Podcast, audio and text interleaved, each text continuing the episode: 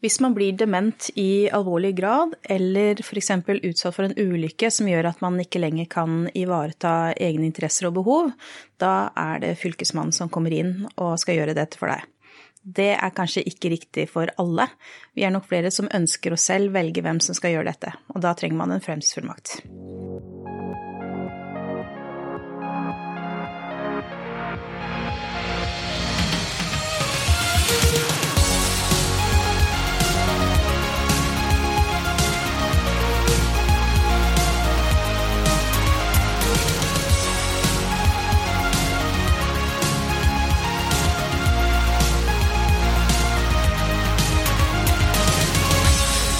Velkommen til Tennencast, Tennenkast, en eh, podkast som tar for seg ulike temaer innen familie og arverett.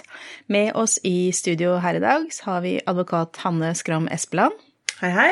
Advokat Kristen Agrup. Hei. Og meg selv, advokat Lene Marie Aas Torstensen. Vi jobber i Tennen advokatfirma og har bred erfaring innen familie og arverett. Vi har eh, allerede spilt inn eh, flere episoder i podkasten vår, så hvis man ønsker å høre mer om disse, så er det bare å gå inn på hjemmesiden vår, eller inn på iTunes eller Spotify. Dagens tema det er altså da fremtidsfullmakt. Ja, hva er egentlig en fremtidsfullmakt? En fremtidsfullmakt, det det er, et litt nytt ord, eh, men det handler om en fullmakt som skal få virkning en eller annen gang i fremtiden. Eh, og, og, og, i fremtiden, det er jo når man ikke lenger kan ivareta egne interesser. Da kan man gi fullmakt til en annen som skal hjelpe til med det. Og Da er det en medisinsk vurdering om man er ute av stand, da. Så det er egentlig en medisinsk vurdering som avgjør om fullmakten skal tre i kraft. Det er et dokument som man lager eh, og håper man aldri skal få bruk for. Helt riktig. Og, og, til sammenligning da med en fullmakt som man kan gi eh, mens man egentlig kan bestemme over seg selv og sine interesser, så er jo da fremtidsfullmakten noe som da kommer i stand hvis man ikke lenger kan det. Og som du var inne på innledningsvis, så er det sånn at hvis man ikke har en fremtidsfullmakt, så er det fylkesmannen som trer inn for å ivareta dine interesser. Og det er jo en ordning som ikke er like skreddersydd som en fremtidsfullmakt, hvor man kan gå inn og regulere alt som man ønsker, og som er viktig for en selv. da. Nei, og man kunne si at det er ganske stivbeinte og formelle regler eh, når en, eh, det blir en oppnevnt verge som skal eh, styre med dine, dine, interesser. Så mm, det å ha muligheten til å velge selv hvem som skal styre med deg, det er egentlig begrunnelsen for å lage en fremtidsfullmakt. Mm. Og det er vel det Fylkesmannen gir signaler om også, at de ønsker faktisk at alle og enhver bør velge dette selv. De er vel egentlig ikke, vil kanskje ikke ha dette ansvaret. Jeg også, det er mitt inntrykk at de er veldig positive til at man lager en eh, fremtidsfullmakt. Det offentlige ønsker jo færre og færre oppgaver, så det er vel et ledd i det. Nei, men, men, det er jo egentlig en veldig naturlig tankegang. For dette vi snakker om, er jo å ivareta personlige interesser og behov. Eh, både økonomiske og personlige. Og da er det klart det at eh, en person som kjenner deg, vil jo kunne gjøre den oppgaven kanskje på en, eh, en bedre måte enn noen som ikke kjenner meg. Helt opplagt. Ja. Og da eh, tenker jeg at eh, vi må over på det med ute av stand. Vi var jo litt sånn inne på, på, det innledningsvis. Altså en fremtidsfullmakt. Når er det den trer i kraft? Den trer i kraft fra det tidspunktet man er ute av stand til å ivareta egne interesser. Eh, og som vi nevnte i stad, så er jo det en medisinsk vurdering. Eh, et typisk eksempel på at man er ute av stand, det er at man har en alvorlig demens. Og det at man er dement i seg selv, betyr jo ikke at man er ute av stand. Det er jo forskjellige grader og nivåer, men når man skrider over et visst nivå, så er man da det vi kaller ute av stand til å ivareta egne interesser. Eh, og mm, det er jo da en fremtidsfullmakt trer i kraft. De aller fleste tenker jo på uh, demens, som er det, det er da man trenger en fremtidsfullmakt. Men det er viktig å huske på at uh, det kan være mange andre situasjoner, andre sykdommer eller en ulykke. En takstein i huet eller en trafikkulykke. Mm. Uh, så dette kan komme plutselig og, også. Så dette behovet er jo like stort for, for, for yngre mennesker og for de som er litt mer godt voksne. Det er egentlig alle, alle trenger en fremtidsfullmakt. Mm. Det tenker jeg er en god konklusjon. Men hvis vi skal da snakke om eh, hvem skal man velge? Vi snakker jo om det om å, å, velge en som man har kanskje et tillitsforhold til, men i hvert fall en som kjenner ens egne behov og ønsker. Det vanlige er jo blant ektefeller og samboere at de oppnevner hverandre gjensidig. Det er jo kanskje den aller nærmeste. Og, men så kan det kanskje være fornuftig å ha noen som er yngre enn seg selv. Så, så det er ganske vanlig å oppnevne ett eller flere av barna som reserve, da, hvis ikke ektefellen kan gjøre det. Vi anbefaler også ofte da at man, hvis man velger alternativ 1, da, en ektefelle eller samboer, og alternativ 2 da er et barn, at man da kanskje velger ett barn, da, uh, alene. Mm. Det er vel det vi har fått anbefalt av Fylkesmannen også.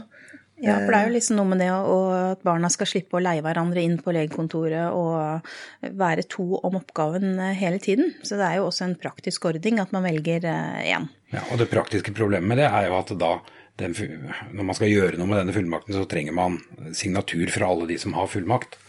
Og det kan ofte være upraktisk, da. Mm. Og hvis man er opptatt av å sikre f.eks. at alle barna er involvert i prosesser eller viktige beslutninger, og sånn, så kan man alltids regulere det i fremtidsfullmakten også. At uh, når det gjelder f.eks. salg av eiendom, eller sånn som vi kommer tilbake til, at man da må være flere da, uh, som er enige om det, f.eks. Ja, alle barna må være enige, f.eks. Ja, ja. Mm. Så det kan man regulere.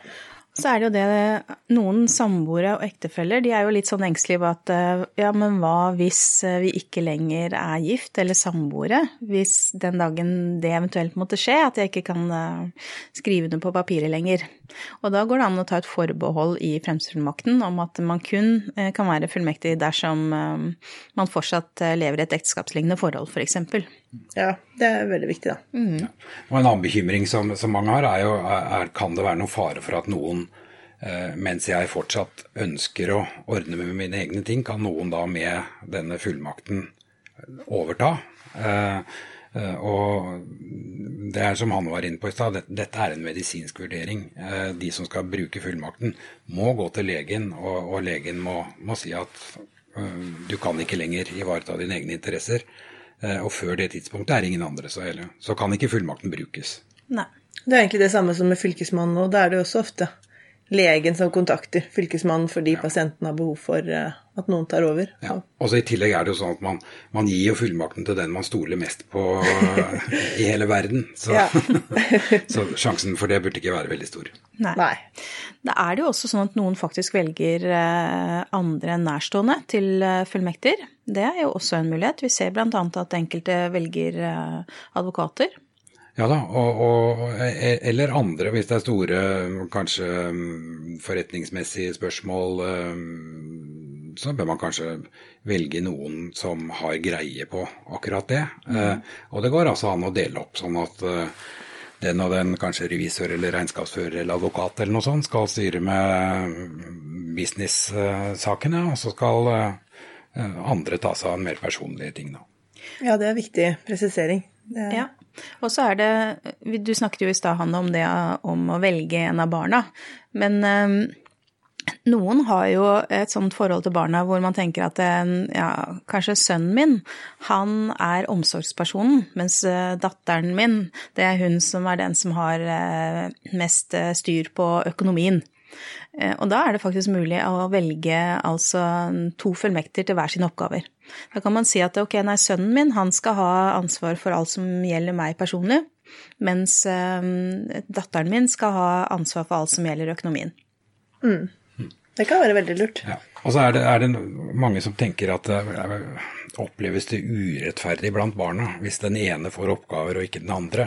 Uh, uh, og det, det kan nok tenkes, men, men, eh, men det, er eller For det første så er det jo ikke sikkert at det er eh, den jobben barna ønsker seg. Det er kanskje en del arbeid med det, det kan være deilig å slippe også. Men, eh, men man kan lage bestemmelser i, i fremtidsfullmakten sånn at alle søsknene f.eks. skal ha innsyn i, i alt som gjøres.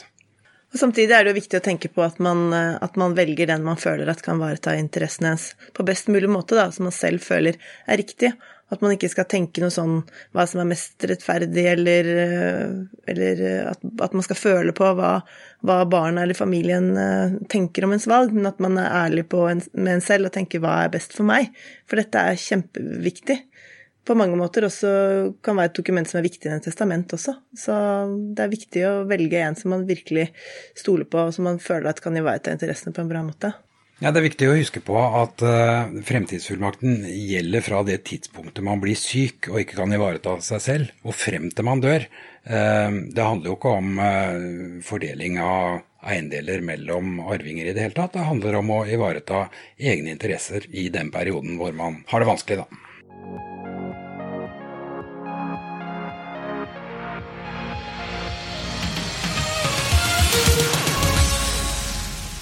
Nå har vi allerede vært litt innom eh, hva en sånn fremtidsfullmakt bør inneholde, eh, men det er vel to hovedpunkter som er viktigst, og det er jo eh, personlige forhold og økonomiske forhold.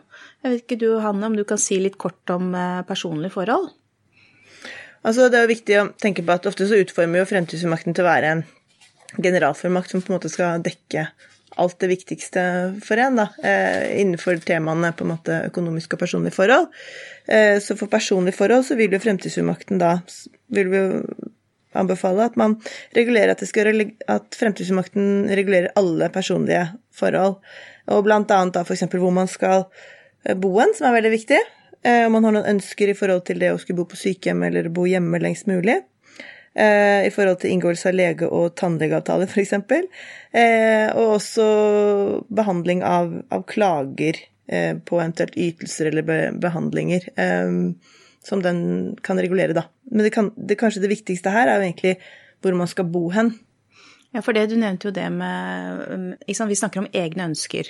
Mm. Og veldig mange har jo det ønsket om å bo hjemme så lenge som mulig. Og da kan man jo i en fremtidsfullmakt legge til rette for det så langt det går, ved bl.a. å skrive at uh, mitt ønske er at uh, jeg skal kunne bo uh, hjemme så lenge som mulig, og at fullmektigen skal legge til rette for det.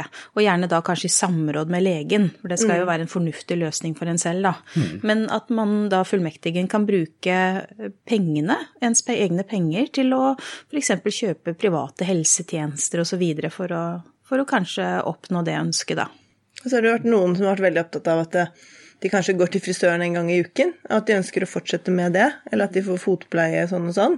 Og noen ønsker å regulere det i fremtidsfullmakten for å sikre at man får fortsatt det pleiebehovet som man har hatt, da, eller mm. den luksusen man har hatt som er viktig for en. Ja. Personlige behov, rett og slett. Ja, og de er jo veldig ulike fra person til person, det. Ja, vi snakket litt om det med personlige, og så er det jo det også da økonomiske behov. Litt sånn overordna på det, Kristen? Ja, og det er kanskje det man tenker på med en gang, med, med alt uh, praktisk med bank, forsikring, skatteforhold. Sånne ting må selvfølgelig være i en sånn fremtidsfullmakt. Og, men det bør kanskje gå lenger også, eller bør absolutt gå lenger eh, hvis man eier aksjer. Hvis man eh, driver et firma, eh, så bør det være noen bestemmelser om eh, hvordan man skal kunne gjøre det. Skal det være adgang til å selge aksjer f.eks.? Skal man kunne investere på fullmaktsgivers vegne. Eh, sånne ting er naturlig å ta inn. Eh, eller kanskje man eh, må si at virksomheten skal avvikles på en bestemt måte, eller at det er bestemte personer som skal overta. Her er det mange, mange ting som bør tenkes gjennom for de som driver aktivt. da. Hvis man driver sammen med noen nå, så er det kanskje viktig man tar den praten og regulerer det seg imellom også, som aksjonærer. Ja, ja da, og det kan kanskje kombineres med aksjonæravtaler. Mm. Mm. Veldig mange har jo et uh, sterkt forhold til det som du nevner nå. Man kan jo ta uh, kennel, f.eks. Uh, der er det jo slik at uh, hva da hvis jeg ikke lenger kan drive denne kennelen videre? Hva skal skje med dyrene, f.eks.?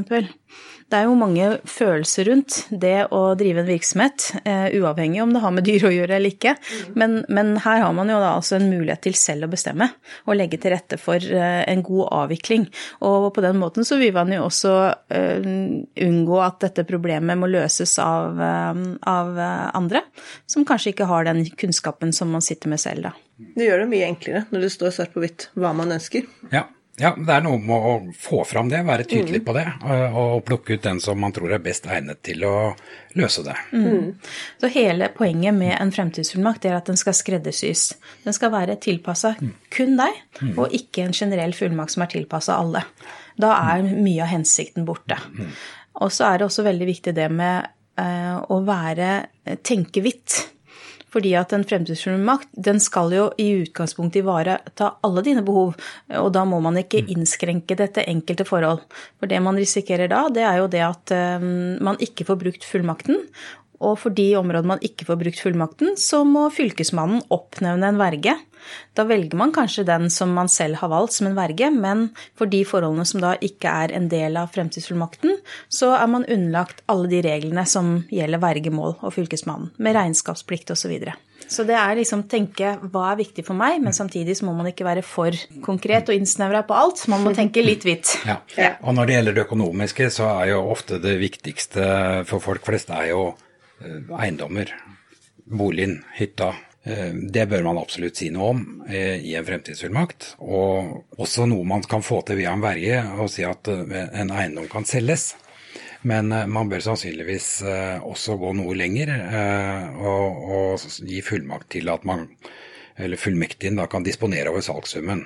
Det er ofte er situasjonen sånn at når en fremtidsfullmakt skal brukes, at fullmaktgiver har havnet på en institusjon f.eks., eh, og kanskje må bo der i mange år. Og hvis eh, eiendommene da blir solgt og pengene står på en bankkonto låst i mange år, så er det stor fare for at eh, verdiene kan forvitre.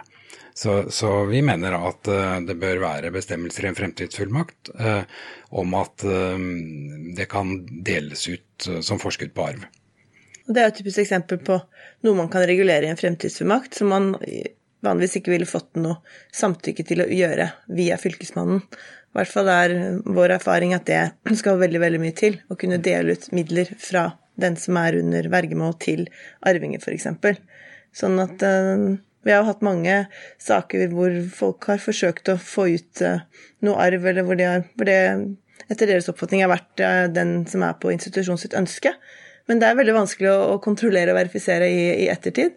Og da, derfor så, For å ha et standardisert opplegg, så må jo Fylkesmannen ha visse, visse krav og retningslinjer, og det, det, er etter vår erfaring veldig vanskelig å få ut midler, da. Mm. Så det er viktig å regulere hvis man ønsker det. Ja, og, og, og, det er naturlig da å regulere også at forskuddsutbetalingen på arv det skal skje i samme forhold som det ville følge etter loven eller eh, etter et testament hvis man har opprettet, opprettet det. da. Mm. Eh, sånn at det ikke blir masse justeringer i ettertid når det endelige arveoppgjøret kommer. Mm. Ja, for vi anbefaler ofte de som kommer til oss som ønsker rådgivning i forbindelse med arveplanlegging. Det er altså lage testament og fremtidsfullmakt sammen, sånn at det er en rød tråd i forhold til eh, forskudd på arv, at man har tenkt gjennom de ulike situasjonene. Da. Ja, og ofte kan det være greit eh, også å, å sette inn et vilkår om at alle arvingene må samtykke dersom man skal eh, utbetale forskudd på arv. Ja, det er ryddig. Vi ser jo også de tilfellene hvor det har vært vanskelig å få solgt boligen, altså lagt ut boligen for salg. Og det har jo medført at en bolig har kunnet blitt stående og forringe i flere år, da. Mm. Så det er veldig lurt å få regulert dette i en, i en fremtidsfullmakt. Så det er jo litt sånn, Vi snakker om både testament og fremtidsfullmakt. og der De fleste bør tenke gjennom om de har et behov for et testament. Mange har det. Alle har kanskje ikke det. Men når det gjelder fremtidsfullmakt, så er vi vel egentlig enige om at det har vi alle behov for. Absolutt. Alle har behov for å lage det, og alle håper at man ikke skal ha behov for å bruke den. Helt klart. Forhåpentligvis kommer den aldri, så trør den aldri i kvakt. Men, men vi, jeg, jeg, føler ofte vi gjentar oss veldig på dette, men vi er jo veldig opptatt av det med å, å ha en trygghet for fremtiden. Mm. Både når det gjelder samboere, ektefeller eller som arvinger, da. Og det å vite hva som skjer hvis noe inntrer, det er en trygghet og skaper jo egentlig en mer kanskje harmon harmonisk og fredfull hverdag. Eh, mm. Så en fremtidsfullmakt er jo egentlig bare en, en, trygghet på at eh, da har jeg i hvert fall lagt ned føringer hvis det skulle skje noe med meg. Ja. Mm. Da har vi snakket litt om, eh, om, hva denne kan inneholde, men formkrav, da? Er det noe formkrav til fremtidsfullmakt? Ja, det er jo omtrent som for et testament. Det må være to vitner til stede samtidig. Og Vitnene kan ikke være noen av fullmektigene eller, de som, eller noen av den nærmeste familien. Det var kort og greit, det, Kristen. Men eh, oppbevaring, da? Hva gjør vi med fremtidsfullmakten når den først er skrevet? Vi har jo ikke noen gode muligheter for oppbevaring av fremtidsfullmakter eh, foreløpig. Eh, og man er jo avhengig av å ha den i original for å kunne benytte seg av den hvis det er behov for det. Så vi anbefaler jo ofte at man lager to originaler, da. Slik at uh, hvis man har to fullmekter f.eks., så har de hver sin originale fremtidsfullmakt, og oppbevarer det hjemme. Et sted hvor man har uh, viktige papirer. Uh, og så noen ganger så anbefaler vi også at man kanskje orienterer fastlegen sin om at man har opprettet en fremtidsfullmakt, sånn at fastlegen er kjent med det. Eh, sånn at hvis man da får inn denne personen som pasient og tenker at nå tror jeg denne personen trenger vergemål f.eks., eller trenger bistand fordi man ikke er i stand til å ivareta egne interesser, så har man det ført i journalen at det foreligger en fremtidsfullmakt. Og da er det jo ikke nødvendig å, å gå og kontakte Fylkesmannen og sette i gang en prosess med å opprette vergemål, da. Nei, for det, det, som er så mange tar feil på, det er det at de tror at denne fullmakten skal sendes til Fylkesmannen eh, når den er skrevet. Men eh, Fylkesmannen har ikke noe oppbevaring for dette. Og en fremtidsfullmakt den eh, sendes kun til Fylkesmannen når den har trådt i kraft for å få en godkjennelse. Men fremtidsfullmakten kan også fungere uten en slik godkjennelse. Men hvis man f.eks. skal selge en eiendom, da er det krav om at Fylkesmannen har godkjent den. Så må man vel ha et litt sånn bevisst forhold forhold til hva man skal bruke fullmakten til, men vi anbefaler jo at man alltid sender den til Fylkesmannen for en godkjennelse dersom den har trådt i kraft. Og vi mener jo egentlig at det burde være en, en oppbevaring eller en registreringsmulighet for fremtidsfullmakter, på samme måte som for testamenter som kan oppbevares i tingretten. Ehm, og jeg sitter jo i det Advokatforeningens lovutvalg for familierett, arv og skifte. Ehm, og vi har i noen av de prosessene vi har vært i, forsøkt å påvirke litt politisk, da, det skal settes i gang arbeid med, med registrering og oppbevaring av fremtidsfullmakter. Fordi at det blir en del dobbeltarbeid. Hvis Fylkesmannen ikke er kjent med at det foreligger en fremtidsfullmakt, så begynner de arbeidet med å sette i gang et vergemål, og kan komme ganske langt i den prosessen, og så oppdager man etterpå at det er en fremtidsfullmakt. Og det blir jo unødvendig ekstra arbeid, da. De, mm. de har sikkert mye annet de kan gjøre i stedet. you go, Hanne. Vi, vi heier på deg. ja, men når vi først har laget denne fremstilmakten, skal man bare legge den i skuff, da, som du sier, Hanne, og så skal man den ligge der, eller? Man skal, man skal, jo oppbevare den på et trygt, på et trygt sted. Ja. Uh, som kanskje er en skuff. Var ikke det jeg hintet etter, da. Nei, men, men, så kan det hende at man uh, altså, Lurespørsmål! Ja, Hva er riktig svar? Du tenker kanskje på at ting kan forandre seg underveis. Yes. Ja, kanskje at det som fremsto veldig smart i går, ikke er så fint i dag. Uh, det er selvfølgelig sånn at man kan endre en fremtidsfullmakt, og, uh, og det kan man endre så lenge man kan lage en fremtidsfullmakt. Altså så lenge man er klar, så kan man endre den. Ja. Jeg syns det var Jeg tror vi skal oppsummere her, jeg. Ja. Kristen? Kommer til Kristens oppsummering. Ja, jeg tror at uh, det er fortsatt litt nytt enda med fremtidsfullmakter, men det er på full fart inn i folks bevis bevissthet. Uh, det er et dokument som alle bør ha. Jeg tror ikke det er noe mer å si om det, egentlig. Nei, jeg er egentlig enig, ja. Mm. Men uh, Hanne, hva tenker du? Trenger man bistand til å utarbeide en fremtidsfullmakt? Ja, jeg kan i hvert fall henvise til Vi hadde jo et kurs med Fylkesmannen her for kort tid siden. Og da var de i hvert fall klare på at de, de anbefalte at man fikk bistand fra f.eks. en advokat til å lage en fremtidsfullmakt. Fordi de får en del fremtidsfullmakter til stadfestelse. Og ser jo hvordan det kan se ut når man prøver å lage det, det selv, da. Mm. Så det var i hvert fall det de anbefalte, helt klart. Ja, og, og, de har jo noen eh, standarder liggende ute. Også Fylkesmannen har jo noen eksempler på fremtidsfullmakt. Men allikevel så er det jo liksom tilbake til det som vi sa, ikke sant. Det skal være skreddersydd deg og dine behov. Eh, og hvis man ikke har fått med det som er viktig, så er det for seint å gjøre noe med det. Når man eh, da er ute av stand. Ja. Da tenker jeg vi takker for oss, ja. Takk for nå. Takk for nå. Takk for i dag.